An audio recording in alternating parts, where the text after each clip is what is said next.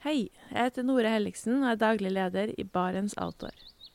Det beste vi kan gjøre for planeten, er å redusere forbruket vårt og få mer ut av det utstyret vi allerede har. Men vi vet av erfaring at bruken av telt kan endre seg over tid. Det teltet du kjøpte for to år siden, passer kanskje ikke det behovet du har i dag. Derfor har vi i Barents etablert en egen panteordning der vi tar imot brukte telt av god kvalitet i innbytte når du kjøper et nytt av oss. Prosessen er enkel. På barentsoutdoor.no gir du oss informasjon om teltet du vil bytte inn. Basert på det får du et tilbud fra oss som gir deg rabatt på ditt neste Barents-produkt. Mer info og betingelser finner du på barentsoutdoor.no. Og husk at den første reparasjonen på produkter fra Barents er alltid gratis.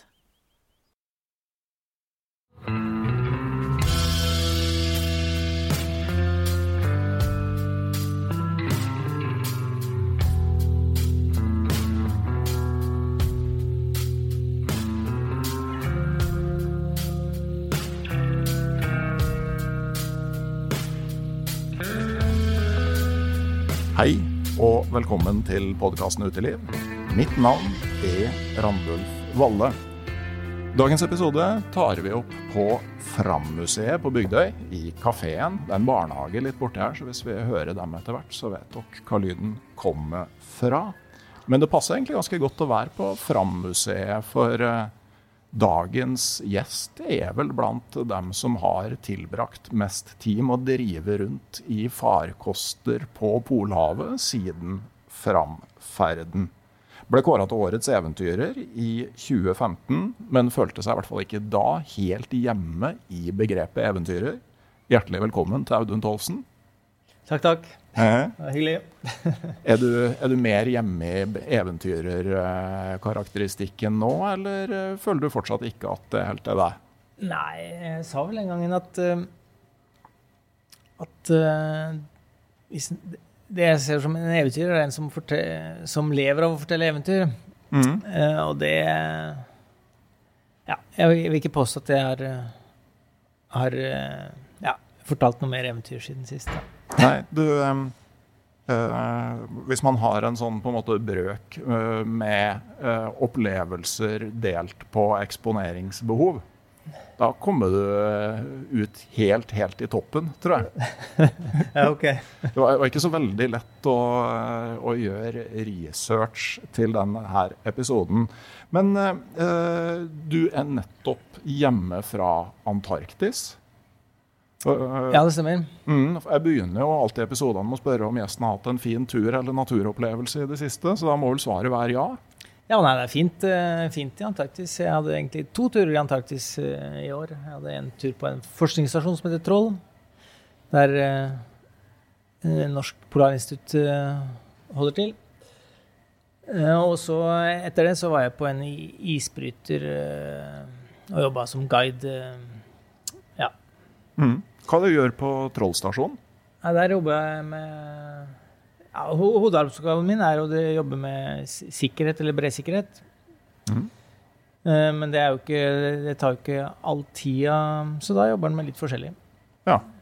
Er det sånn alle må hjelpe til med alt? Ja, det er jo gjerne det. Han har sin, an, sitt ansvarsområde, og så, så har man tid til over, så hjelper man til med andre ting. Transport, eller, eller hva det skal være. Ja, Hvor mange er det nede der? På sommeren så er det ca. 40 ja, pluss-minus. Ja. På, mm. Og når den sørlige sommeren er over, så, så, er det seks som sitter igjen da og skal passe på stasjonen. Ja, Har du vært med blant dem som har overvintra? Nei, det har jeg ikke. Så mm. når jeg har overvintra noe sted, så, så, har det vært i nord. Ja. Men jeg tenker jo sånn, når vi først er på Fram-museet, altså hva, hva, er ditt forhold til Fram og, og Fram-ferdene? Nei, som, som, ung så leste man jo mye polarlitteratur. Og uh, har jo alltid vært fascinert av uh, Nansen og Amundsen. Mm. Uh, ja.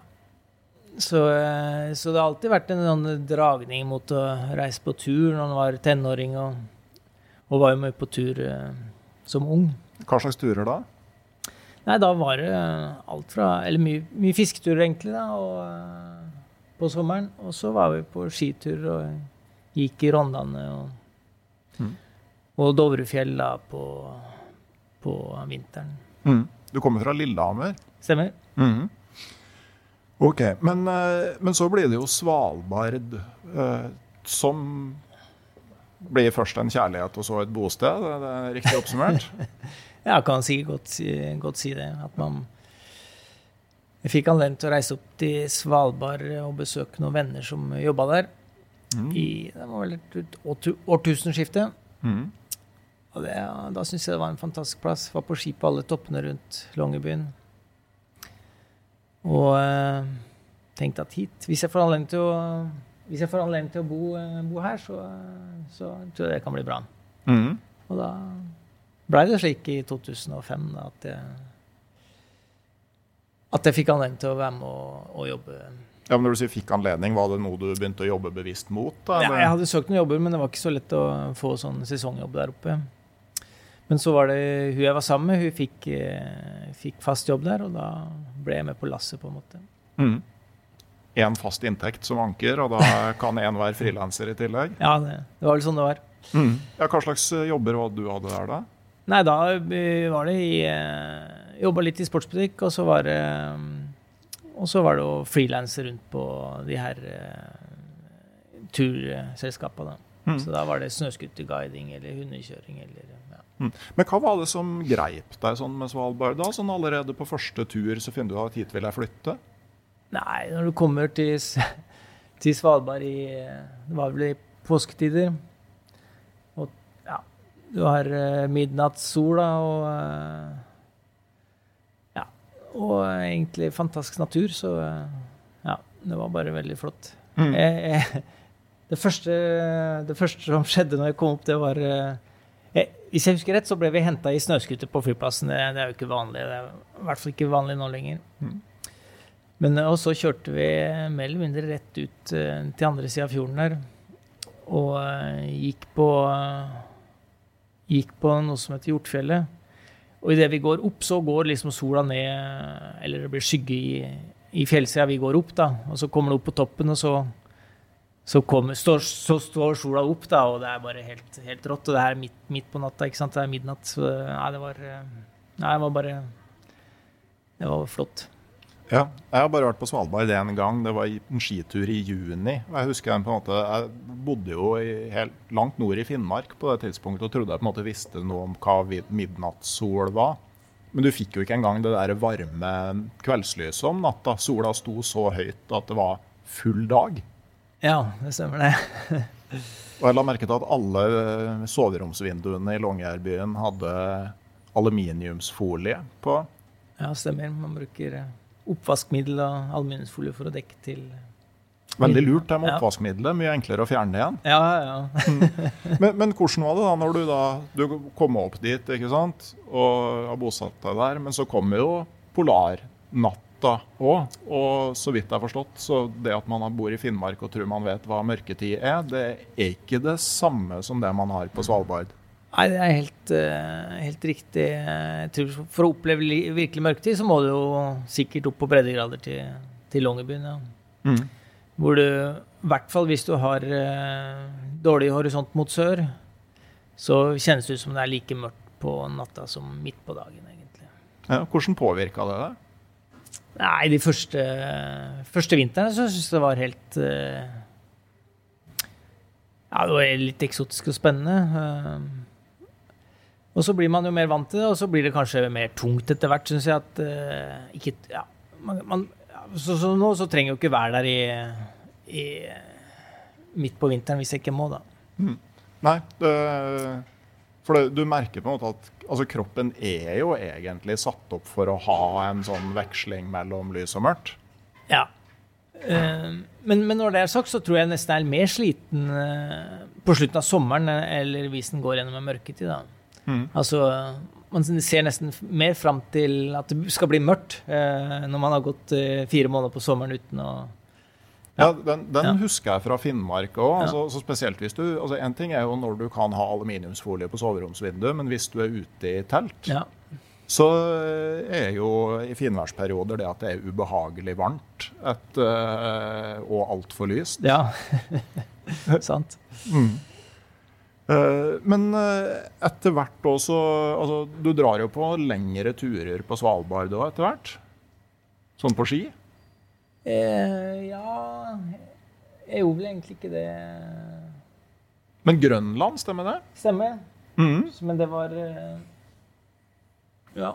Det var egentlig i etterkant av den her Tara-ekspedisjonen at jeg hadde en kamerat som heter Timo, som han var vel Jeg hadde egentlig lagt fram det her planen om å bli Komme til Nordpolen eller gå lange skiturer og sånn. Og hadde vel egentlig blitt litt sånn mer bedagelig anlagt. Mm.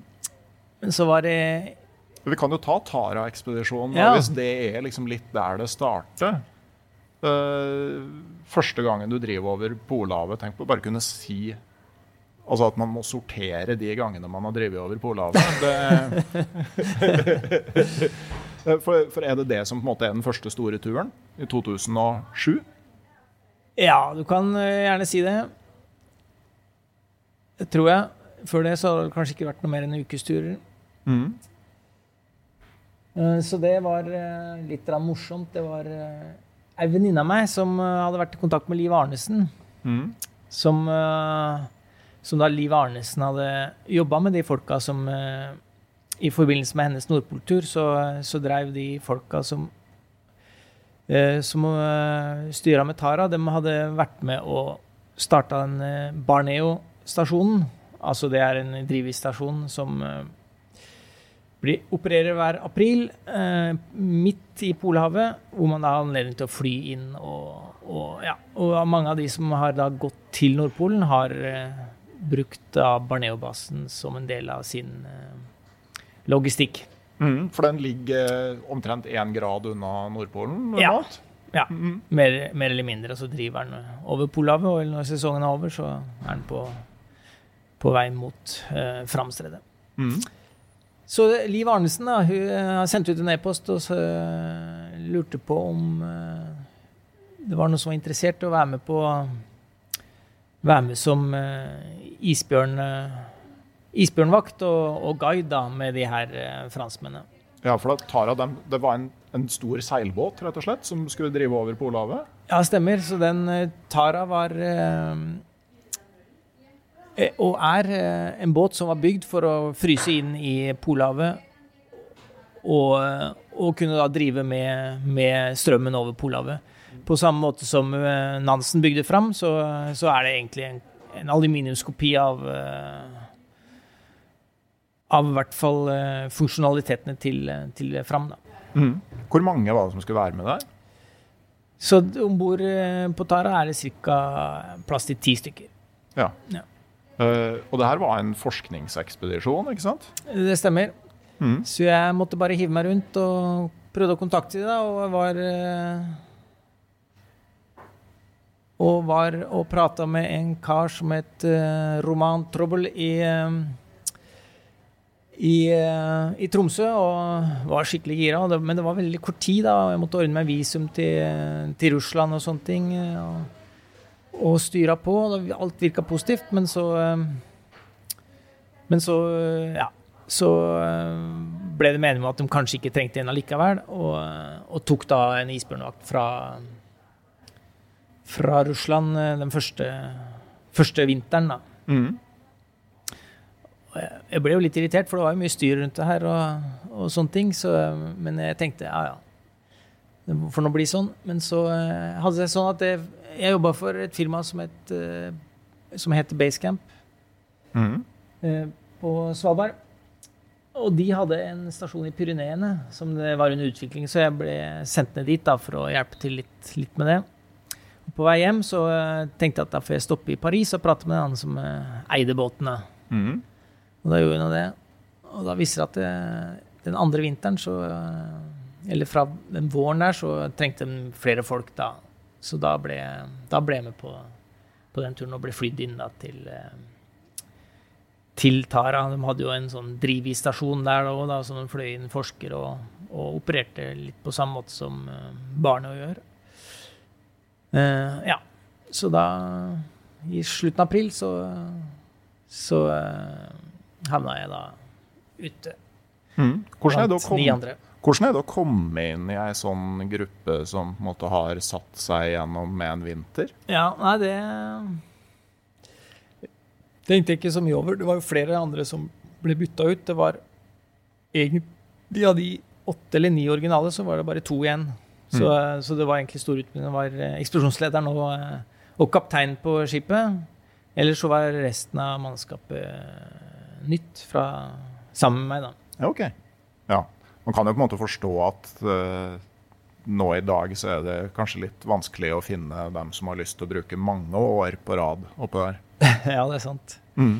Så uh, ja. Men da traff du Timo der, da. Så da var Timo der. Han var eh, ung og ivrig eh, eh, student. Og eh, ja, han eh, han, eh, han var ivrig. Han hadde akkurat fått eh, en sønn. Oi. og den, han, eh, sønnen var eh, kalt Dan Hansen. okay. Så han, eh, han har lest noe polarlitteratur, eh, han også. Ja, jeg hørte en eller annen sånn Han som på en eller annen sånn øh, kommersiell radiokanal som har sånn at han øh, en gang om dagen hisser seg opp over noen som må skjerpe seg. Ja, Og det var noe blant annet fotballsupporterne som kalte dattera si for Ynva, sånn Liverpool-supportere. Hvor var mor? Og jeg tenker litt sånn her òg. Hvor var mor? ja sant. Men det er jo i Nansens ånd, da. Få barn og reise for å drive over Polhavet. Ja, sant. Men eh, Nansen uh, blei vel temmelig melankolsk eh, av det opplegget der. Han satt vel stort sett på lugaren sin og drømte om eh, kona. Jo da, det, det har vel eh, Han hadde vel eh, Det er vel gitt ut en bok om eh, brevet Nansen skrev eh, i den perioden der, ja. Ja. Hvordan var det med Timo, da? Nei, eh, han hadde, vi hadde jo litt mer kommunikasjon enn det Nansen hadde på den tida der, da. Det var jo litt mer uh, forutsett. Så jeg, jeg, tror, eh, jeg tror det gikk egentlig ganske greit. Hva var dine oppgaver, da? Hvordan var dagene om bord der? Nei, i kontrakten min så sto det at jeg var uh, Der sto det 'Multipurpose Iceman and Norwegian Spokesman'. Sto det. Ja. Så det var å være ute på isen og hjelpe til eh, med å ta prøver. eh, passe på eh, ja, det med isbjørnsikkerhet, våpen, sånne ting. Og så, ja Når det var henvendelse fra norsk presse, så prøvde jeg å hjelpe til så godt jeg kunne. Mm. Hvor lenge var du der? Da ble det Vi var tilbake i Longyearbyen i, til Polarjassen, husker jeg. Det var veldig bra fest i Longyearbyen. Så det må ha vært eh, i eh, slutten av januar, begynnelsen av februar.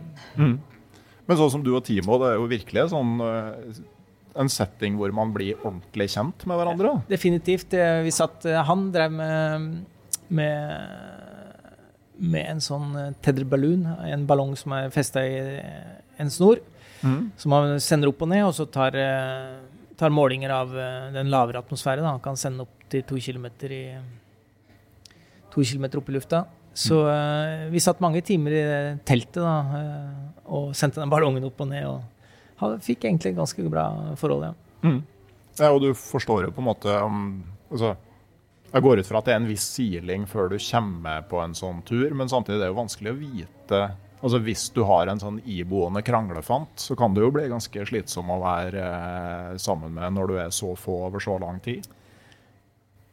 Eh, Det tror jeg du har rett i. eh, Men det var forbausende lite konflikter, egentlig. Det var, eh, det var litt rann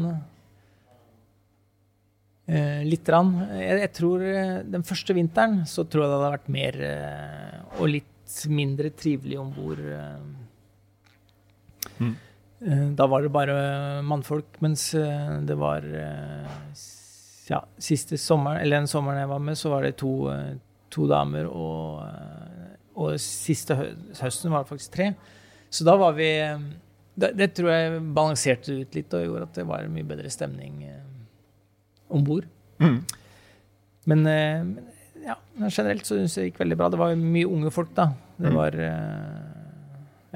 De fleste var vel rundt 30.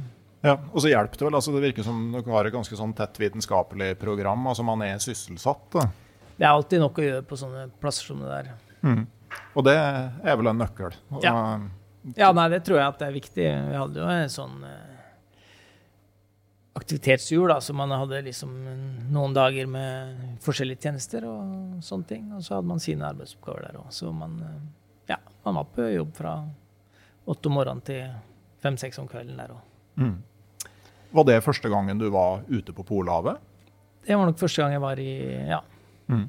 Hvordan var liksom følelsen når du lander ute der? Nei, det var eh, Det er jo svært, ikke sant. Da fløy vi propellfly eh, ut i fire-fem timer eh, nord for Longyearbyen.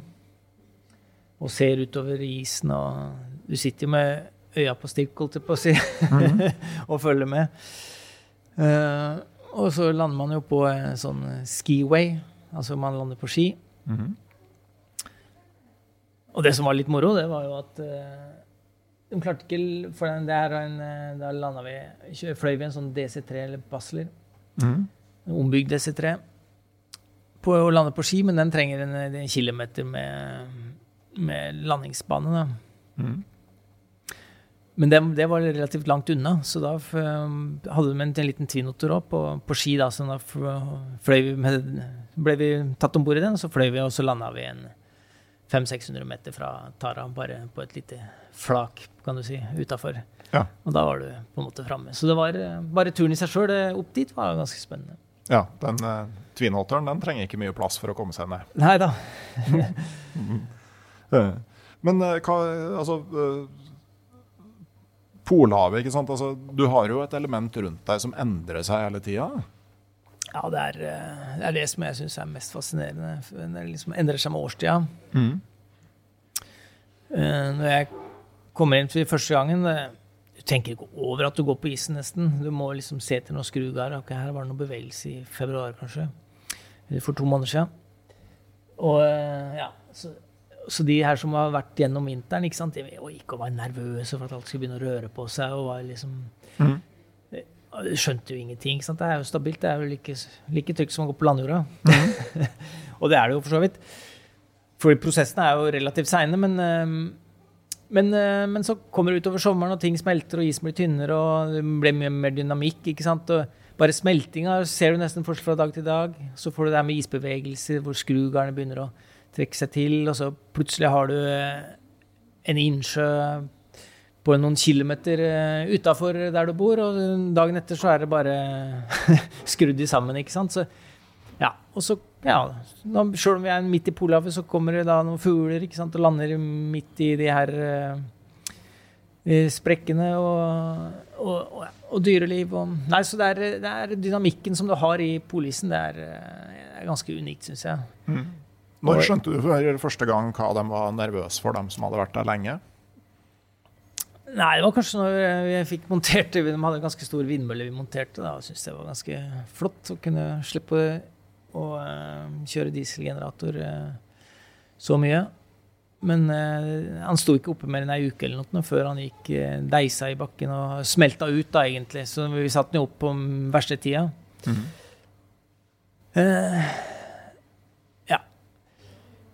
Men eh, det var kanskje ikke før på, midt på sommeren eh, at, eh, at, man skjønte at man måtte alt, alt, Man må ikke sette ting på is som man ikke kan miste, for å si det sånn. Nei. Nei. Nei det, det, kan gå fort. At det, Ja, i hvert fall over natta da, med, med, store ting. Så, så, mm. så må man ha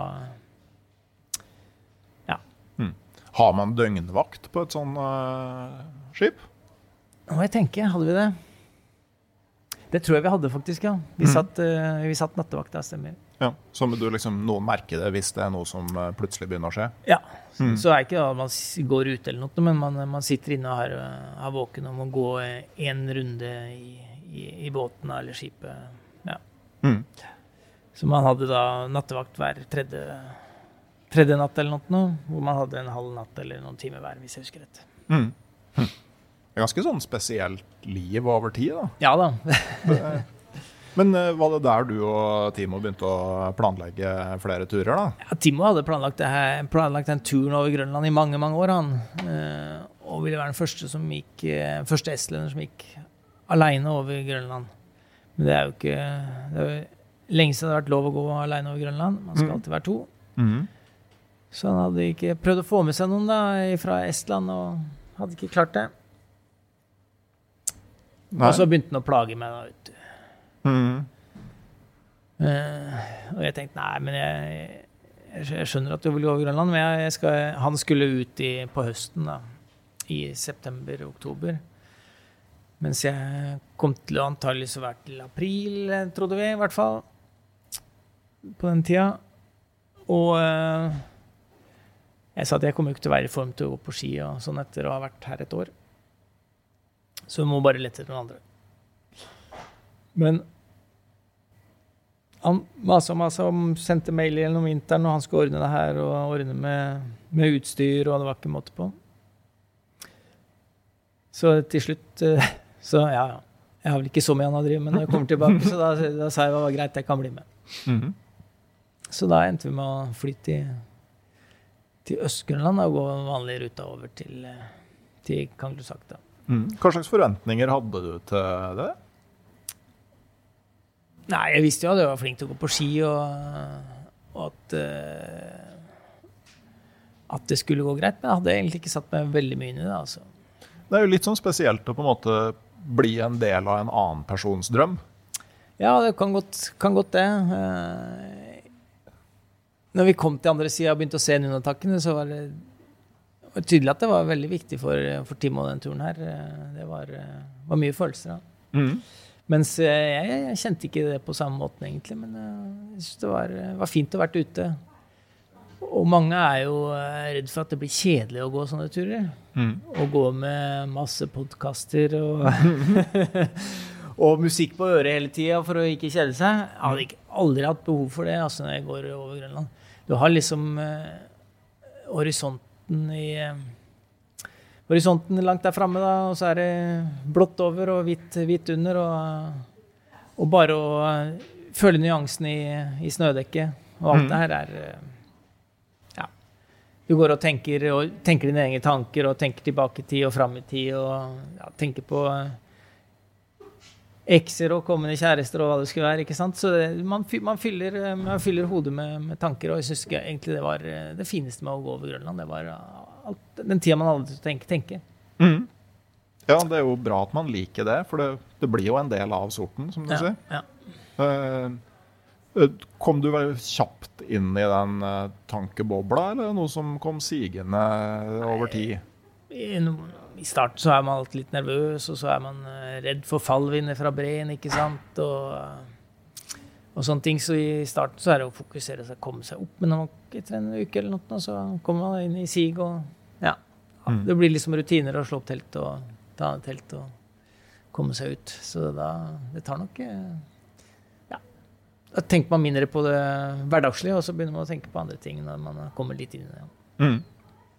Begynte dere allerede der å diskutere videre prosjekter? Nei, ikke i det hele tatt. eh, For det er jo ofte på tur at nye turplaner eh, dukker opp, da. Ja, nei, det er, eh, det er eh, Jeg tror vi var mer opptatt av å prate om mat som man blir da, på sånne turer, enn, enn å tenke på nye turer.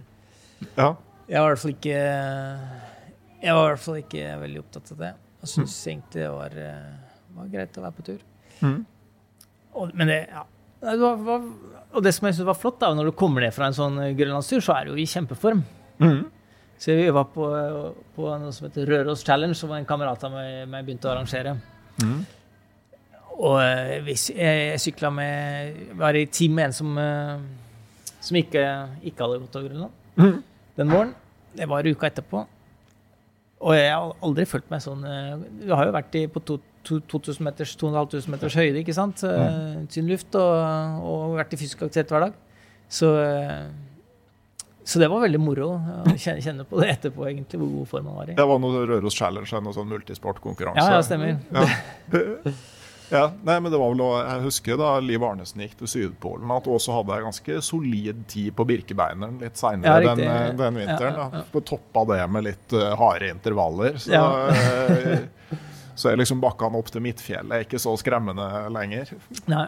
Eh, Nei, det er jo eh, Og, og de eh, Altså, når du kom omtrent rett fra isen da, til, til Grønland, altså tok dere på en måte noe hensyn til det med rolig start, eller Ja, så det, det sa vi òg, at vi, vi tok oss god tid. Jeg tror det her som de, de, de turoperatørene som tar med seg folk over der, bruker vel et par og tjue dager. mm.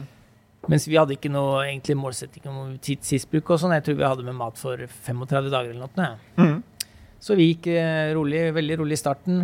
Var, var den siste, tror jeg, som starta på, på våren det året. Mm. Så det var egentlig blitt ganske bløtt og vått. Og det, vi hadde en skikkelig regndag på vei opp. Og skia kladda, ikke sant. Og, så da slo vi bare opp teltet og, Mm. og venta til været klarna. Så vi prøvde å ta det litt med ro og ikke, ikke gå på en knekt i starten. Så vi endte med å bruke 27 dager, tror jeg. Ja.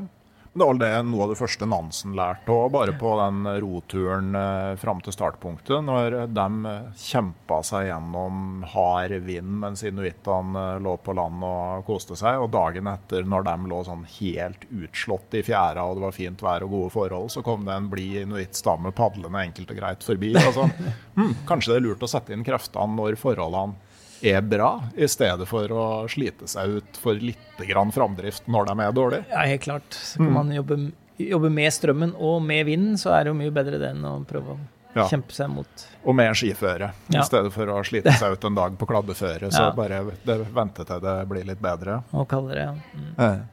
Ja, nei, det, det er jo dem som går over Grønland på 12 og 14 dager òg. Sånn, ja, ja, Med mindre du ser det som utfordringa, men når man først er på et sånt sted, så er det jo fint å kunne ta en kaffekopp og titte ut av teltdøra og ta inn over seg hvor man faktisk er òg. Ja, sant. Mm. Hadde dere med kokekaffe? Nei. det hadde vi ikke. Men eh, ble det bålfyring når dere kom ned på, eh, på andre sida da? Eh, Det husker jeg ikke. Vi, Timo skulle jo gå fra kyst til kyst. Det var liksom en greie for han. Mm. Så vi endte med å gå ut. og ut. Det er jo en vei på noen mil, eh, en grusvei eh, på noen mil på, på østsida der. Så vi endte med å gå ut den veien, da. Eh, Så det kan godt hende at vi fyra noe bål når vi kom ned på Ja, ned til Kangelusvåg? Ja. Mm.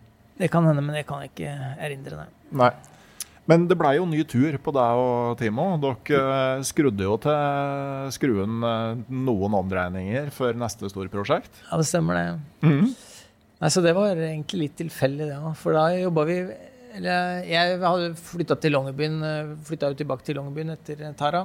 Mm. Og jobba, fikk jobb der i et firma som driver med logistikk. Mm. Uh, og Timo fikk eh, sommerjobb der oppe, men han var jo fortsatt student. eh, skulle skrive doktorgrad, men det er ikke veldig godt betalt i Estland, så han syntes det var greit å tjene noe ekstra penger i Norge, så han kom opp der og, eh, og jobba på sommeren. Og det firmaet som jeg jobber for, da, da Pole Position, de, de hjalp til da, og drev med støttefunksjoner for den nevnte basen Barneo på, på, på Svalbard. Da. Så hver, hvert år så hadde vi mye å gjøre med I april så var det veldig mye at vi hjalp til eh, med ting som, som de trengte da, for å drive basen sin i, eh, på, eh, på Polhavet. Så, eh, og så tror jeg det var Vi satt og grilla utafor den hytta vi bodde i. Så satt vi og prata litt, da, og så, så tenkte vi Hvorfor ikke bare, bare fly inn til barnet og gå ut eh, eh, et år?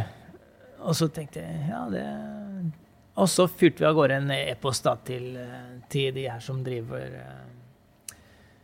driver basen. Og lurte på hvor mye det ville koste Mm. å få flydd inn utstyret vårt. Og nei, da mente de at det kunne ordnes veldig rimelig.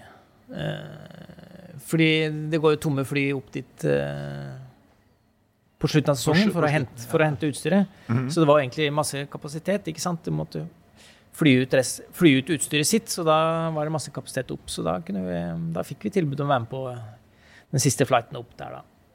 Den går når, cirka? Det er i sånn midten av april, sånn rundt 20. april var det der. 23. april, tror jeg.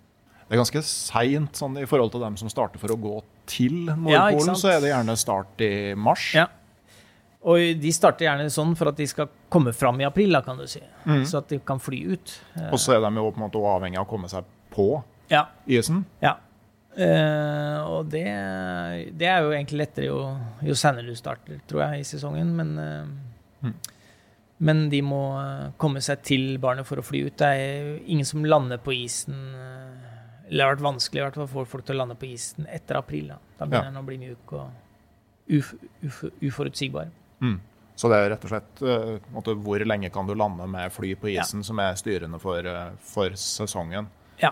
Eh, Jeg, jeg husker jo jeg leste om den turen der på det tidspunktet og liksom tenkte aha, for jeg hadde også studert liksom sånn uh, Jeg har jo tenkt tanken på Nordpolen, jeg òg. Ja, Mm.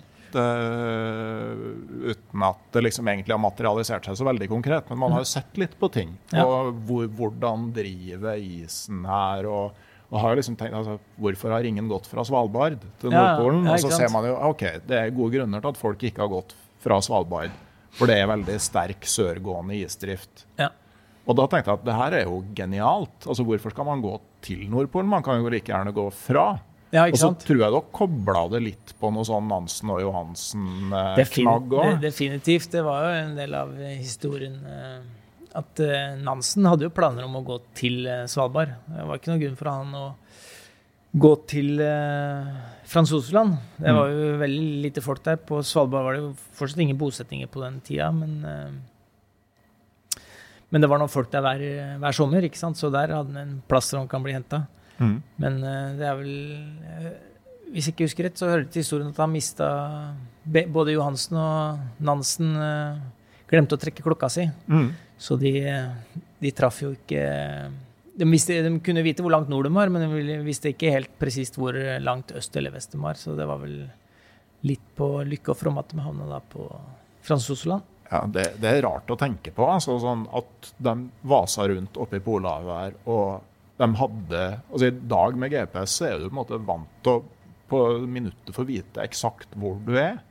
Men de drev og liksom Hvor lenge kan de klokkene her ha stått? Ja, Og så sånn prøve å beregne seg litt tilbake. altså sånn hva er på en måte mulighetsrommet for hvor vi er i øst-vestlig retning? Og I tillegg så er jo ikke området kartlagt ordentlig. ja. Nei.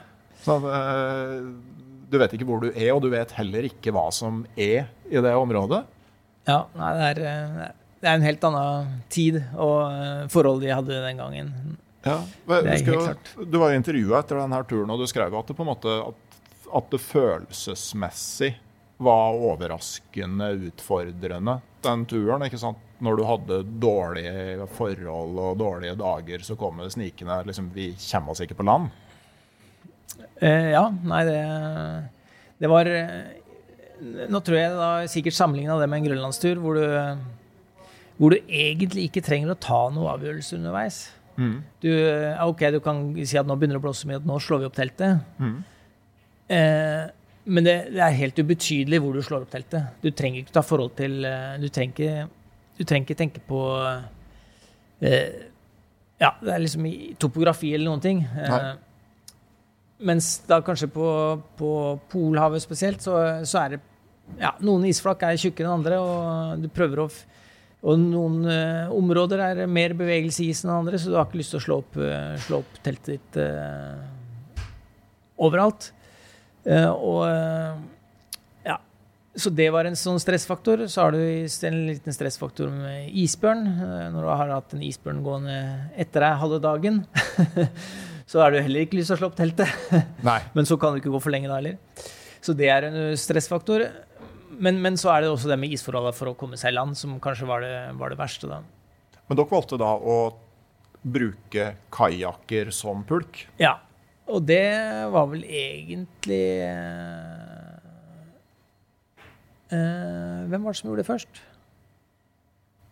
Det var en som trakk en elvekajakk etter seg, mener jeg har hørt. Ja, nei, det er han Erik Philips, kanskje. ja. Men Og så var det jo Børge og Børge, Børge og Thomas eh, gjorde det til Fransosland, ikke sant? Og så mener jeg at han Christian Lien Jensen og en til som kryssa Grønland og skulle padle ut igjen på andre sida, Ja, ok. at de begynte med å trekke legge kajakken på pulken, men det var så utrolig tå, og glid på pulken, så de fant ut at det ble lettere hvis de gjorde det omvendt. Ja, riktig. La ja. kajakken i bunnen og pulken oppå. Ja. ja. Nei, så eh, eh, Så vi eh, Ja, så vi, vi Men, men, det må jo være en stressfaktor. da, altså Du har en havkajakk du trekker etter deg først fra Borneo opp til Nordpolen, og så skal du trekke den hele veien ned igjen, og så vet du at liksom, ok, hvis den plutselig knekker, ja. Da, da har du jo virkelig en case. Ja, nei, det var eh, også litt sånn usørsmessig, ja. Eh, du, ja, du, du vil jo ikke ødelegge ski, ikke sant. Eh, du er helt avhengig av å gå på ski. Mm. Så vi hadde jo en binding som røyk etter ei uke, så det var tungt. Det med kajakken begynte vi å se. Vi hadde kanskje lasta den litt feil, så den begynte å få en sånn faretruende bulk under. Og vi fikk også noen sprekker i, eh, i det vi slipper eh, kajakkene ned fra skukarer, Så fikk vi òg en sprekk i- framme i en, eh, en av båtene, så vi tenkte at shit, det her er kanskje ikke så solid som vi trodde. Nei. Og, og begynte å se for oss hvordan vi skulle gjøre det der. Dele kajakken i to og bruke den bare som pulk. Eller hva, hvordan får vi til det her hvis det er å krisemaksimere masse, ikke sant. Men vi, vi fikser nå opp det vi har, og, og blir bare litt mer forsiktig Så, eh, og, og laster kajakkene litt om, så vi slipper å eh, Ja, Hva var clouet med lastinga? ja, sånn isen er, da, så er det masse kanter, og denne kajakken var veldig rett i forstanden, hvis vi kan si det. At det var en veldig rett kant framme, og den hang seg veldig opp. Og vi var veldig lei av å gå og løfte på de kajakkene. Måtte snu eh, kanskje hver 50. meter og snu og løfte på den for å få den over neste kant og sånne ting. Så da fant vi ut at da måtte vi bare baklasse så mye som mulig, så vi la det tunge baki. Og da ble den jo veldig lett foran og kom over det meste. Men når du da skal dra den over en kant, Ja. så blir det veldig tungt å få den, få den opp. Eh, altså Hvis du skal dra den over en rygg, da, så Mm. blir det veldig tungt å få den siste delen over. Og så, så blir det jo veldig mye spenn i kajakken når Ja. du har den veldig tung bak. Og da viste det at da fikk vi sånn en, bulk midt under setet. Og det hadde vi også lyst til å unngå at den skulle knekke på midten. Så da måtte vi bare laste den tilbake til å prøve å få den i, i balanse igjen. Og, og heller irritere oss over at vi måtte gå tilbake og løfte kajakken over av og til. Det er jo sånn element når du gjør en sånn endring, altså når du gjør ting annerledes enn de fleste har gjort det Ja. før. altså ikke sant, fra er jo gift ei som jobber med sånne ting i industrien, med risikohåndtering. og Der er jo liksom på en måte hovedlæresetninga. Altså alle endringer bærer i seg en risiko. Ja. Fordi du veldig sjelden klarer å se liksom hele spekteret av utfall det her kan gi. Da. ja, ikke sant? Ja. Mm. ja, det er kanskje sånn å være, prøve noe nytt, ja. Mm. Men eh, når du sier altså, ikke sant, dere startet det der oppe i april. eh, flyene vil ikke lande der mer. Eh, hvor langt sørover mot Svalbard må du da før du kan ha noe håp om å bli redda hvis det går virkelig gærent? Ja, nei, vi, vi hadde jo gjort noen undersøkelser eh, og prata med lokale redningstjenesten på Svalbard.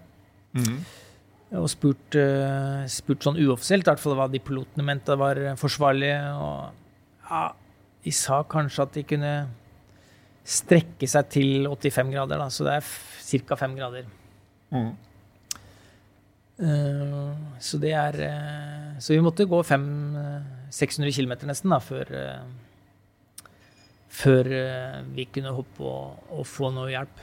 Ja, og det er, det er sånn, altså Sannsynligvis ville dere jo fått hjelp, men du ville både fått hjelp og blitt førstesidestoff i alle landets aviser, fordi du antagelig måtte satt i gang et voldsomt apparat for å få det til. Ja, ikke sant? Så, eh, så går det utover den lokale redningstjenesten her, så, så måtte man jo ikke sant? Som du sa, man, det finnes jo eh, teknologi for å etterfylle helikopter i luft da, fra flymaskiner og sånn, ikke sant? Hvis man prater med militæret. Russisk isbryter Ja, Noe sånt. ja, Men det blir liksom et huslån da, for å, for å bli henta der oppe. ja, man, klarte, man klarte jo å hente ut den, Det var jo en amerikansk kvinnelig lege som diagnostiserte seg sjøl med brystkreft på Sydpolbasen om vinteren. Ja. Og de klarte jo å hente henne, men, ja. men det er jo en risiko med eller en operasjon med ganske grei risiko. Det var Ken Borek Air, som opererer i Nord-Canada, som liksom var de eneste som kunne ta den Ja, ja, jobben. Nei, Jeg hørte om den historien.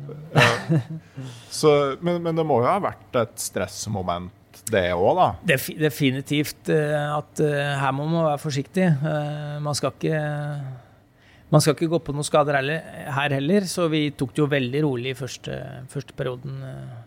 Ikke bare fordi pulken var tung, men vi tenkte at hvis vi da får belastningsskader eller ja, Jo mer sliten man er, jo lettere er det å skade seg. Så vi, vi prøvde å ta det litt rolig i starten der òg. Mm. Men så har du jo fordelen at det er lange, lyse dager og ikke så bitende kaldt som i, som i starten av mars. da. Ja, definitivt. eh, Når vi starter, så er det kanskje 25 kuldegrader. eh, Ja, jeg tror kanskje kaldeste vi målte var 25 kuldegrader. Ja. Så, eh, og så blir det fort veldig mye varmere når det kommer litt lenger sør. Og, og sola forstår litt høyere på, på himmelen, så, så blir det ja, Mm.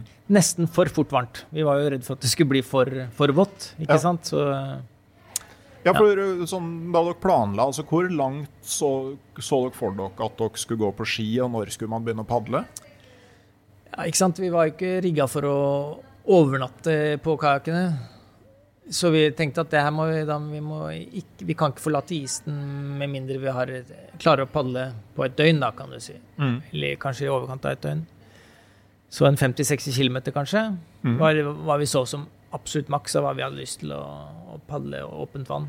Mm. Nå er det ikke alltid åpent vann, og man kan fin sikkert finne noe isflak imellom for å, for å hvile litt på, men, eh, men det har jo også litt med hvordan bølgene bygges opp og, og sånne ting. eh, At man, man må jo ha gode værmeldinger for å gå ut av isen.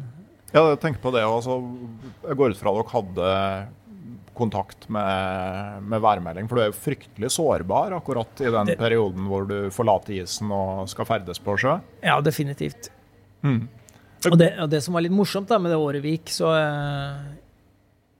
eh, Så var jo det året som det faktisk var minst is. Mm. i Polhavet 2012.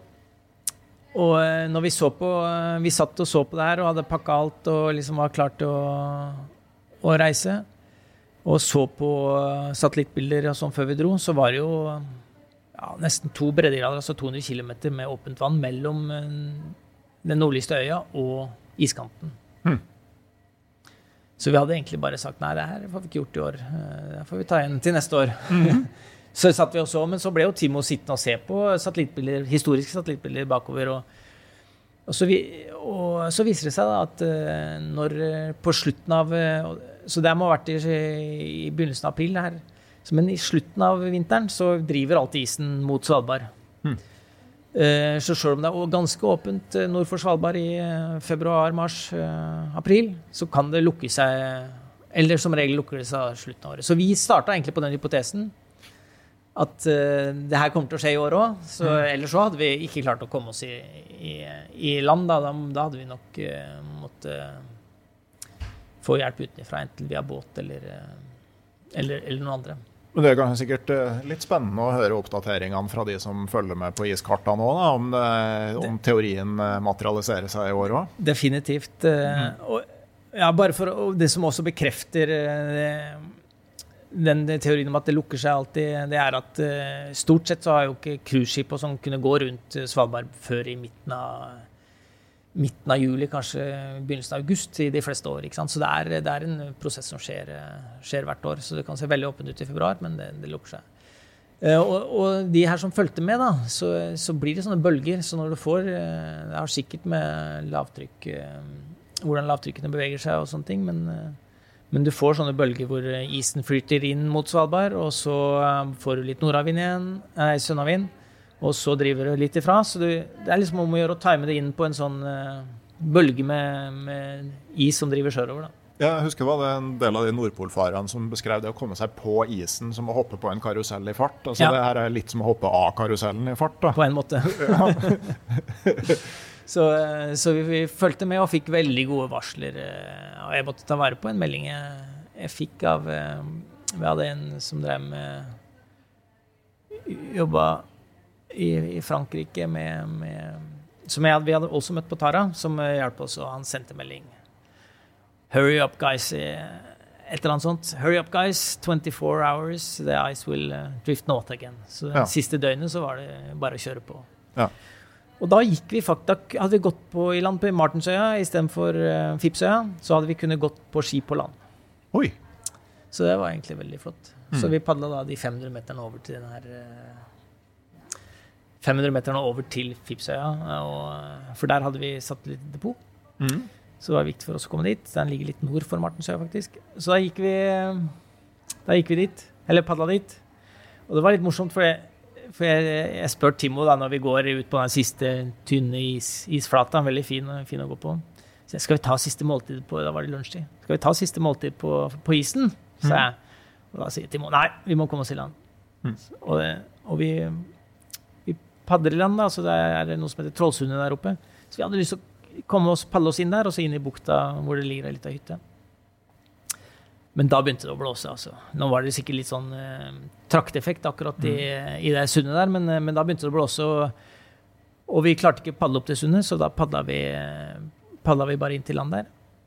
Og når vi sitter der og får helt vann i dreitekken vår, så forsvinner Så ser vi bare isen driver av gårde nordover. Og liksom det var sikkert en kilometer eller to da, før vi Ja, ikke sant? Ja. Og jeg klart, da kunne det godt ha gått en tre-fire-fem dager til før neste, neste uh, ja, is, isbølge hadde kommet innover, da. Mm. Mm. Så det var en bra timing. ja. Hvordan var det å få landjorda under føttene her, da? Nei, det var uh, emosjonelt igjen. Det er Ja. Definitivt. Og gått uh, ja, over 50 dager på, på sjøis, og det var godt å slå opp uh, eller campe uten at uh, du var redd for at du skulle bevege deg hit eller dit. Eller, uh, så Mm. det, var, det var veldig Trenger ikke å være redd for at grunnen sprekker opp under teltet. Nei. Nei. så det er Du hviler godt, da. Eh. Og ble dere henta der, da? Eller fortsatte dere videre et stykke? Nei, da tok vi oss en dag i, eller to i hytta der oppe. Så var planen nå? å padle ned. Men det var jo mye folk. Vi skulle egentlig vært tilbake på jobb da, for, uh, for pole position. Vi, så det var, de hadde jo satt i Vi hadde jo spurt om muligheten for å bli henta. Mm. Og det var flere av de her eh, cruisebåtene som ville komme og hente oss. Uh, og sånne ting. Men uh, da var vi kommet så langt, så jeg tenkte at da må vi bare fortsette. Mm.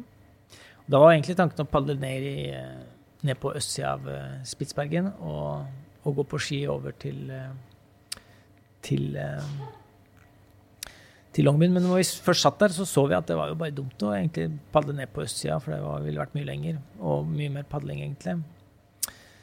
Så da Hvorfor ikke bare komme oss inn i Vidjefjorden? eh, Så da gikk Da kryssa vi Kryssa vi over til Spitsbergen og, og gikk over eh, og kom ned i Viddefjorden, i Mosebukta. Og så padla vi ned Viddefjorden og gikk over Brenn der.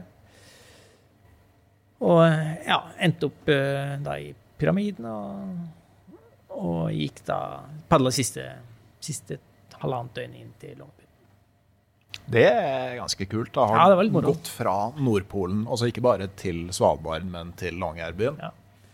Parkerte dere pulken utafor baren og gikk inn og bestilte? Det var faktisk eh, Det ble faktisk en liten fest, ja. vi, prøvde, vi prøvde å ikke si ifra til noen at vi kom, da, men det, så vi slutt, slutta å sende meldinger hvor vi var de siste fire-fem dagene. Men det ble plukka opp, så det var en liten velkomstkomité Ja. i havna. ja. Artig. Men eh, når du kommer tilbake fra, fra Nordpolen, altså Jeg vet ikke om det er med ambisjon om et stille og rolig liv i Longyearbyen, men eh, det går jo ikke sånn fryktelig lenge før det begynner å materialisere seg nye, store turmuligheter, da. Nei, nei, det er bare å gå tilbake og jobbe litt. Og eh, ja, gjennom den jobben eh, hos Pole Position, så, så kom jeg i kontakt med og, eh, Som vi da òg hjalp litt til med. Han hadde en som heter Inge Kristoffersen. Mm. Og han eh, hadde også en stor lidenskap for Polhavet, egentlig, og utforskning av den som, eh, som geofysiker. Og, og, og ja, hadde via sitt liv til egentlig det. Og han hadde gått i Han hadde kommet på den ideen at at ok, man kan fly rundt på Polhavet på, på våren, og man, man kan bruke ubåt øh, og komme seg dit. Og, øh, og man kan, eller man kan bruke isbryter. For å drive med forskning. Men, eh, men alt det her er veldig ressurskrevende og kostnadskrevende, så han hadde kommet på den ideen at hvorfor ikke bruke luftputebåt?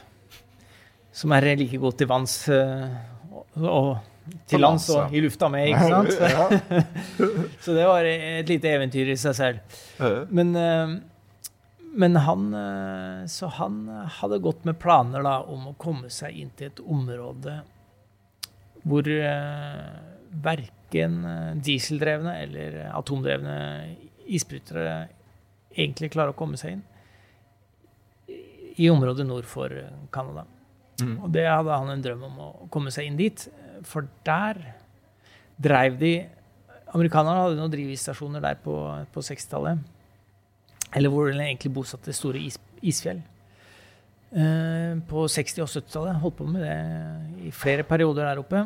Og hvor eh, hans, eh, hans eh, veileder, når han tok doktorgrad, hadde funnet eh, et område som man ikke kunne forklare hvorfor det så ut som på sjøbunnen. Altså, de, de ville eh, Og det eneste de, de to gutta der kunne komme på, det var eh, at det må ha vært et meteoritt, meteorittslag eller en asteroide som hadde slått ned i Polhavet Hmm. for noen millioner år siden. Så han var veldig gira på å komme og finne ut mer av det. Det var veldig dårlig datagrunnlag de hadde, så det var å komme seg dit. Så han hadde brukt sikkert ti år for å utvikle den ideen og, skaffe seg finansiering til den uh, eh, for å komme seg dit. Jeg husker jeg leste om det, at det var på en måte for risikabelt til at et universitet egentlig ville stille seg bak det. Eh, Han sjøl var litt sånn på en måte oppgitt over at forskerne ville ha det altfor lunt og komfortabelt, og at ingen liksom var villig til å ofre noe for, eh, for dataene lenger. Ja, han, hadde ganske, eller han har ganske sterke meninger om det. Mm. Han sjøl var vel eh, et par og 70 allerede, eh, Mhm. faktisk, når han eh, da tok kontakt med meg. Han hadde jo prøvd å få med noen andre forskere og, og eventuelt eh, studenter, da, men det var, var som du sier, vanskelig for eh, de etablerte institusjonene å, å, å si eh, OK, det her eh, er greit, du kan få med en doktorgradsstudent eller et eller annet. Så det var eh, egentlig ingen eh, av de akademikerne som ville være med. Og den, eh, det var jo egentlig det Nansen òg ville jo ha med for, mer flere forskere på fram. Det var ingen som ville. Var opptatt med sitt, sikkert. Og mm. hadde ikke tid til å drive rundt i Polhavet. I hvert fall ikke på Nansen tid, kanskje 35 år, da. Nei, nei, og samtidig kanskje altså du, Det er òg for så vidt greit å være ærlig på at det kommer jeg faktisk ikke til å takle. Ja, ja det er sant, det. det, jeg Så, skulle, skulle gjerne hatt resultatene og brukt tida, men jeg tror faktisk ikke jeg kommer til å fikse det der. Nei, nei, nei altså det, det er ærlig. Eh, Så, men, eh, så det, han fikk ikke takt han, så da måtte han jo se mot de som hadde vært der før, kanskje. da. Mhm. Eh, Og erfaring derfra. Og da kontakta han meg og spurte om jeg hadde lyst til å være med på noe sånt. Så jeg måtte jo tenke meg litt om. Jeg følte vel egentlig jeg hadde brukt nok tid der. Mm.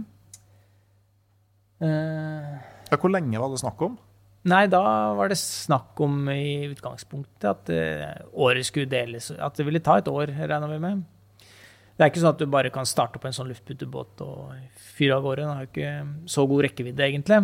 Så det var jo snakk om å bli satt ut med isbryter og, og kanskje ta seg litt inn i området, eller drive over området.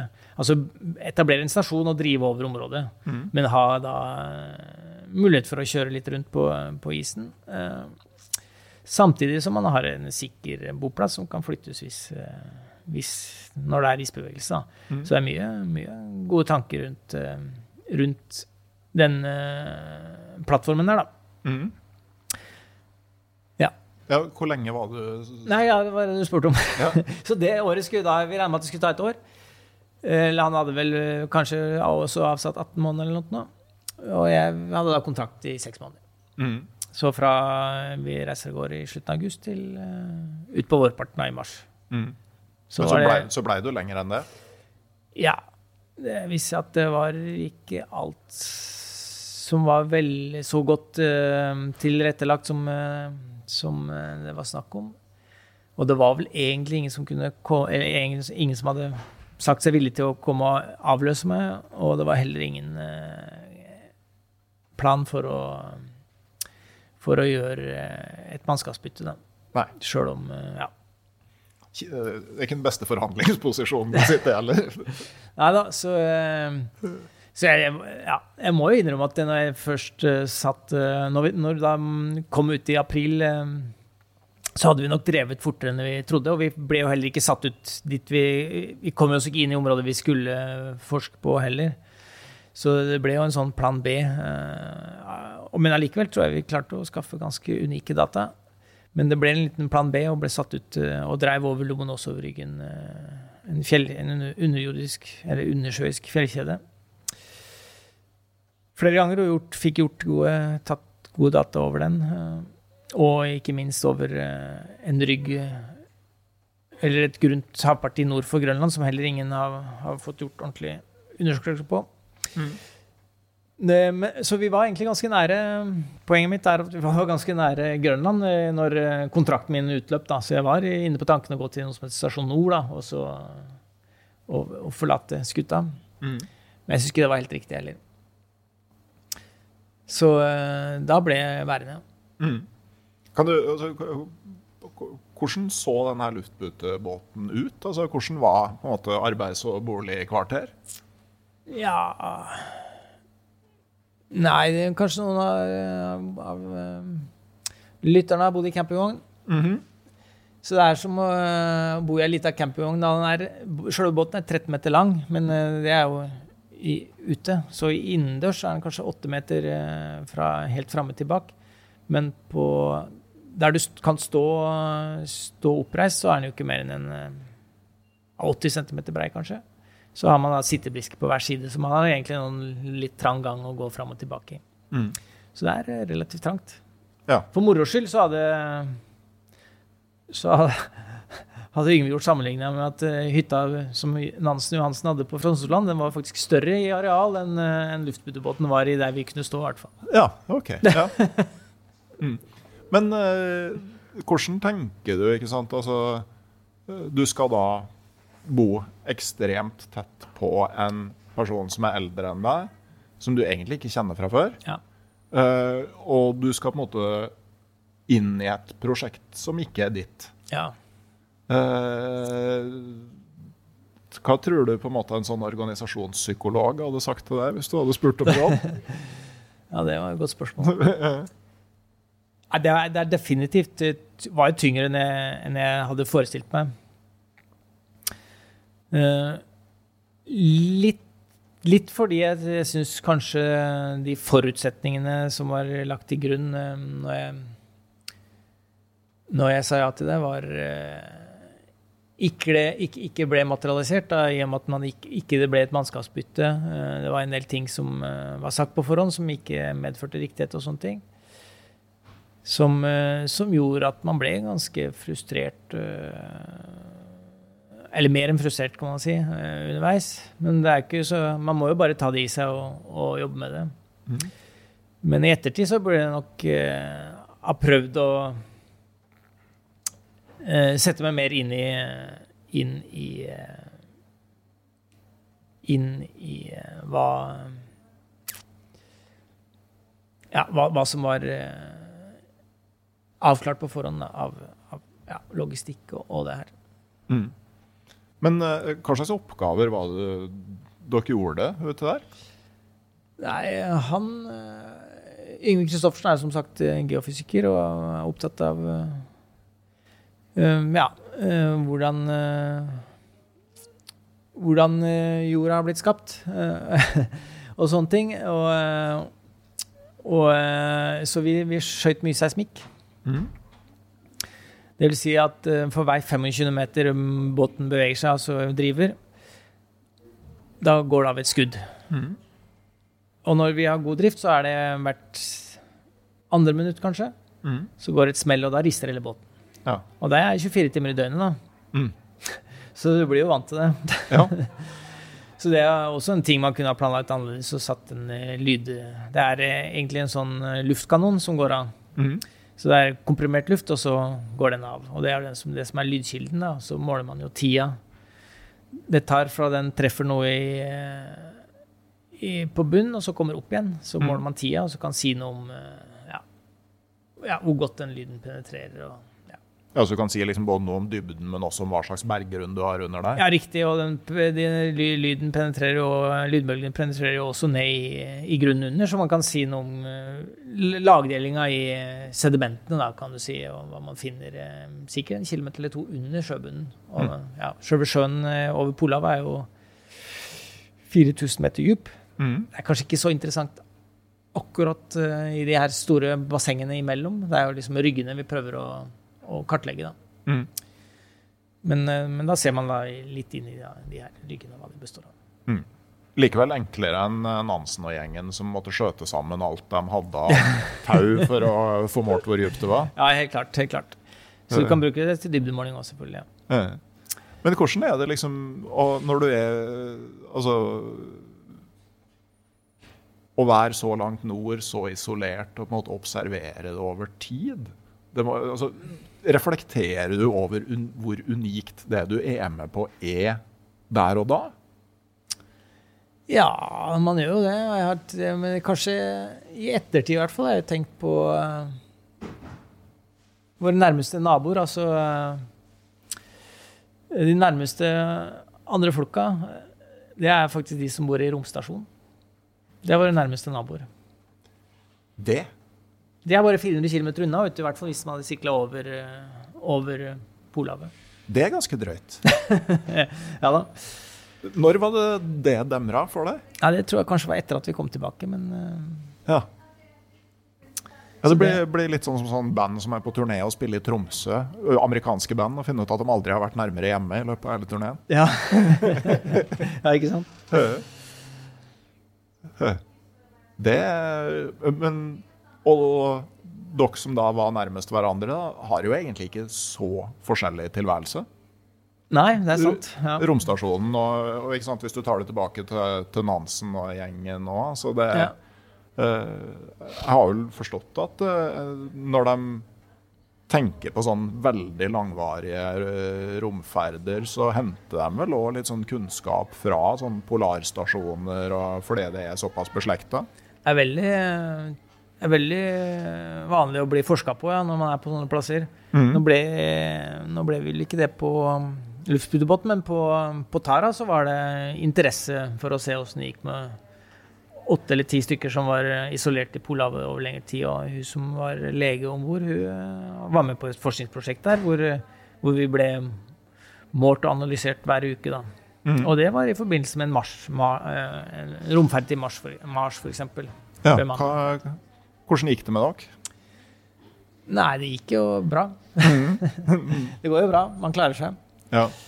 Men eh, når dere etter hvert begynte å komme ut, da, altså hvordan er det når, eh, altså, når du begynner å nærme deg et sted hvor du kan bli plukka opp? Altså, eh, jeg har jo liksom lagt merke til at når du er på tur, så deles det på en måte i en sånn tidlig del hvor du venner deg til å være der du er, og så har du en sånn midtdel hvor du på en måte er der du er og egentlig er ganske komfortabel med det. Ja. Og så kommer den delen på slutten hvor du begynner å egentlig vente på at det skal være over. Og jo lenger turen er, jo lenger er de delene i hver ende. Altså hvor lenge sitter du der på en måte og tripper, og nå kunne jeg godt tenke meg å dratt igjen? Ja. Det er morsomt det du sier der. Det er um, jeg, jeg kan ta det fra Tara-turen først. Da. Da, da var det liksom sånn Da var vi veldig isdriftige, ikke sant? Og alle, alle som driver med forskning på polisen, var jo, skulle fortelle oss når vi skulle være ferdige å drive gjennom og komme ut i åpent vann. ikke sant? Og det starta jo med allerede at eh, når vi i, i løpet av sommeren, eh, når folk skulle bestemme seg om de ville ut i oktober eller ikke, så ble det liksom sagt eh, ja, dere kommer jo bare til å Kanskje vi bare skal avlyse sånn her eh, mannskapsbytte eh, på høsten. Og, for vi kommer til å være ute i slutten av november, begynnelsen av oktober, eh, desember, ikke sant. Og eh, vi driver og driver, og, og, og kanskje Men jeg tror de ja, Noen da bestemte seg for å bli, og tenkte at de var i hvert fall hjemme til jul. Men sånn blir det jo ikke. Eh, og ja, det tok jo i hvert fall to eller tre måneder lenger enn det vi trodde den gangen. Samme jeg var jo også på en mo- mo- mosaikk. Samme der òg. Det liksom folk blir så mentalt forberedt på å komme seg ut til en viss dato. Mm. Og hvis det går over den datoen der, så synker uh, stemninga betraktelig, altså. Et lite tips til de som skal organisere sånne ekspedisjoner ja. seinere, er jo kanskje da å ikke begynne å formidle altfor mye om når man regner med at det her skal være over. Definitivt. Og på, Tara jeg, jeg, begynte å lage, begynte å lage regnestykker litt for moro skyld, og satte opp ganske avanserte uh, formler for, uh, for, når vi skulle komme oss ut. Da, og prøvde å, å, å gjette på det her. Og liksom satt opp i forhold til andre driv, drivbøyer og sånne ting som var satt ut i året før og tidligere. Mm. For å se på hastigheter. Og, mm. Men det er en, så å si umulig å, å, å si, si, noe om det. Det er liksom I hvert fall ikke på sånn uh, ukes eller nesten månedsnøyaktighet. Plutselig får du to uker med nordavind eller et lavtrykk hvor det ikke skal gå, så blir det to-tre uker forsinkelse. Ja, altså Hvis du kanskje på en måte da ja. blir drevet over i et område som, på en måte, hvor ting opererer Definitivt. Og akkurat det som skjedde på Tara, da var vi jo i god fart uh, på østsida av uh, Østsida av uh, Unnskyld, vestsida av Nei, østsida av Framstredet. Mm. Og hvor is, is, iskanten går veldig langt nord. Men så plutselig hadde vi en uke med sterk eh, østavind og dreiv over i, i den her øst-grønlandsstrømmen. Mm. Hvor vi da ble værende i sikkert i fem-seks uker lenger enn, en da antatt. Bare pga. den eh, vær, mm. været vi hadde denne uka. Mm. Men litt sånn eh, trippende stemning om bord etter hvert som man nærmer seg? Da. Det blir jo det. Og det, det skjedde jo på, på luftputebåten. Men da har man på en måte rutinen og, og, og veit at det, det, er ikke noe Det er ikke noe å hisse oppover. Det, skjer. Du kommer ut når du, når du kommer ut, da. Mm. Men, men, jeg ser det òg når jeg reiser til Antarktis nå. Hvis det blir en ukes forsinkelse på vei, på vei hjem fra, mm. pga. vær eller sånn, man får ikke fly og sånne ting. Mm. Stemninga blir, blir, annerledes. Han gjør det. Mm. Ja, jeg var på, fikk lov å dra til Jan Mayen og ja. besøke en kompis der. og Da var det dårlige værmeldinger når flyet skulle komme og hente oss. Ja. Og vi kryssa fingre. Det de ikke visste, var at jeg satt og kryssa fingre for at flyet ikke skulle komme ned, for jeg ville jo gjerne være noen dager til. Ja, ja, ja. sant. Så, men eh, når vi nå er på Fram-museet, altså hva tenker du er på en måte likhetene og forskjellene mellom dine opplevelser med å drive over Polhavet og dem som de hadde på, på Fram? Ja, det er jo eh, selvfølgelig at vi, vi har jo mye Sjøl om det er en viss uvisshet i det vi gjør, så er det jo Vi, vi veit jo med pluss-minus et par måneder i hvert fall hvor lang tid ting vil ta. Mm. Kommunikasjon er helt annerledes. Vi veit hvor vi er. Ja, de var gode til å navigere når de hadde alt om bord på Fram Men, men, vi veit i hvert fall ja, vi vet i hvert fall hvordan landet rundt oss ser ut. Og det er mm. liksom ikke noe usikkerhet med geografien, da, kan du si. Nei. Eh, ja, vi veit åssen havet oppfører seg til en viss grad. Altså hvordan isen beveger seg. Så det er uh, mm. vi, er, vi, er, vi er jo ja, vi er jo mye mer kunnskap om akkurat det, som gjør usikkerheten mye, mye mindre, da, kan du si. Mm. Hvordan, tror du liksom muligheten til kommunikasjon hjem påvirker det? Nei, jeg tror det er uh, Nå har jeg liksom du, På sånne turer får du ofte tildelt et visst antall minutter da, og sånne ting. Det er dyrt å ringe, eller hva i hvert fall. Så uh, Men jeg har aldri brukt liksom tida mi helt ut, så Nei, det er jo greit å kunne, kunne prate med folk uh, og, og, vite hvis det er ting som ikke er som det skal eh, hjemme, men Men ja. Det er, det er, betryggende, klart. Og, og, og, man vet også at det, det fins teknologi som uansett hvor man er i, i verden, kan man bli henta. Mm. Hvis, hvis, man har nok penger og, og har nok og litt tid, i hvert fall en, la oss si på en uke eller, eller to, mm. så kan man bli henta hvor som helst i, i verden. Kan, ja. mm. Så det er jo en helt annen trygghet vi har i våre dager enn, enn på den tida. Ja. Hvordan du tror du ville takla en sånn vinter som Nansen og Johansen? da? Komme i land på Frans Josef Land og stå der med det du hadde i kajakken? Nei, det er helt, eh, helt ubegripelig. De hadde jo på, på, en måte sin kompetanse med å gå på jakt og, og drive, fangst, hvor Nansen har trent på, på, det både på Grønland og, og Men også i løpet av uh, turene sine. Så det er klart uh, de, de, hadde jo en annen erfaring med det å leve av, av hvor de kom. Mm. Og Nansen hadde jo flere andre måter, tenkt over om ganske mange måter hvordan han kunne skaffe seg næring i, i selve Polhavet òg, hvor det er mindre, mindre dyreliv. Mm. Men det er eh, ja. Det er en bra overlevelseshistorie? Ja, nei, det er helt eh, det er, på, på, på, på, den måten kan ikke noen ting sammenlignes. Vi har jo med alt av våre moderne behageligheter på, sånne lengre turer. Mm. Vi er tørre, vi er eh, liksom der Ja, jeg ja. tror ikke det kan sammenlignes. Alt av utstyr er lettere. Ja. Mm. Men, eh, men, videre, da. Du, du, har jo blitt en sånn polarnomade, eh, lov å si det? Ja, jeg har brukt tid, både litt, litt tid i sør og mye tid i nord. Mm.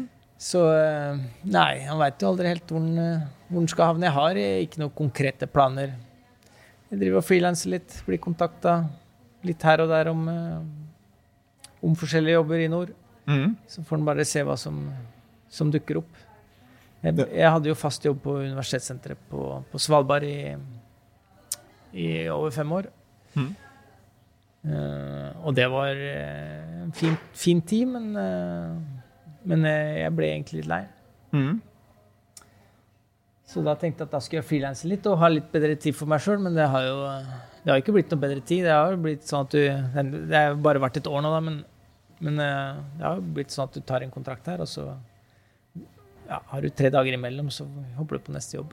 Mm. Hvis noen uh, foreslår en ny drift over Polhavet, da, er du med? Ja, under rette forutsetninger med, med Definitivt. i Eh, med et fornuftig, fornuftig, opplegg og sånne ting, så, så, tror jeg det hadde vært, eh, vært gøy, gøy, det. Mm. Ja. Det er ikke et uh, område på jorda du er blitt mett på? Nei, absolutt ikke. Et, et, ja.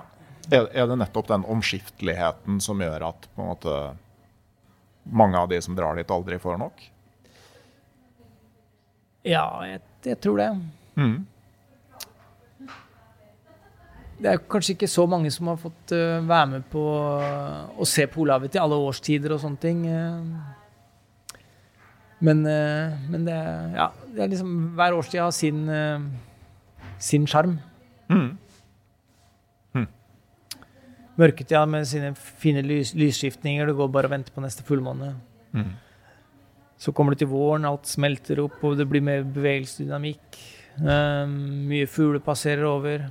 Eller man ser litt mer fugleliv. Litt også avhengig av selvfølgelig hvor på i Polhavet du er på det tidspunktet. Mm.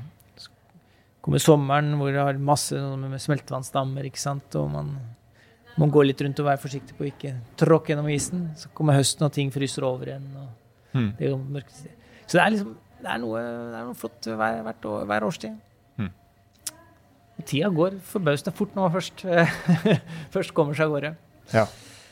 Men det er jo på en måte noe man eh, på, på en helt annen sånn dimensjon, og som vi har sånn merka altså når man tar med seg små barn og flytter inn på ei tømmerkoi i Pasvik og har satt av sånn to-tre uker til det, så de to første dagene så tenker man at i all verden, det her Hva skal vi ta oss det her så lenge? Ja.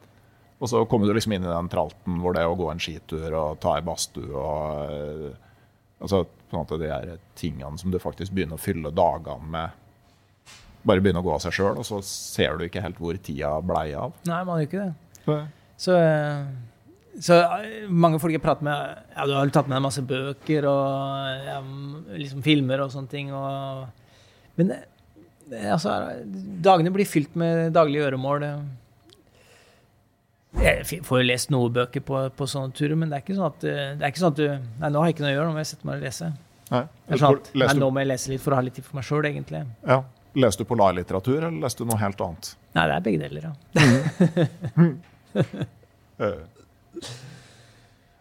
Det var veldig fint å treffes og prate med deg, Audun Tolfsen. Det, vi klarte å finne et Du har stått på lista mi omtrent siden episode én. Nå er vi passert 200. Så, oh, ja. ja, det var hyggelig. Ja. Ehm, jeg bruker jo alltid å avslutte med å spørre gjesten om hvor ville du vært akkurat nå hvis du kunne fått valgt helt fritt uten å ta hensyn til praktikaliteter? Ja, det var et godt spørsmål. Et, jeg er faktisk ikke så avhengig av hvor jeg er. Det er heller mer hvem jeg er sammen med, tror jeg. Og hvem du gjør ting sammen med, som er, er viktig. Men uh, nei, akkurat nå så tror jeg hadde lyst til å være tilbake på Svalbard. For jeg har ikke vært der på et par måneder. Og det er dit du skal ganske snart? Ja, det blir vel der eh, ja, i løpet av helga. Ja. Det er jo ikke det verste. Nei da, det blir bra, det. det når man ordner livet sitt sånn at man eh, skal dit man aller helst ville være. Ja, ja. det er bra. Tusen takk igjen. Ja, det var hyggelig. Eh, jeg takker også min kommersielle samarbeidspartner, Barents Outdoor. Og så takker jeg alle i det digitale turlaget på Patrion. Ikke minst dem som har kommet nye til i det siste. Dere er veldig viktige for at denne podkasten fortsatt kan eksistere. Jeg nevner også at podkasten Uteliv er til stede på Camp Villmark, som går av stabelen på Nova Spektrum på Lillestrøm fra 15. til 17. mars. Det blir flere live-podkaster, og som de siste årene så blir jeg en del av en liten pop-up bokhandel sammen med andre skrivende friluftsfolk. Merk at alle ekspedisjonsmakkere i det digitale turlaget på Patrion får tilbud om gratis helgepass til denne messa. Du finner link til Camp Villmark i episodeinfo. Da skal vi ut i snøværet som begynner å dekke Fram-museet. Eh, det kommer en ny utgave av podkasten Uteliv om ei uke. Og inntil da så sier vi rett og slett ha det bra.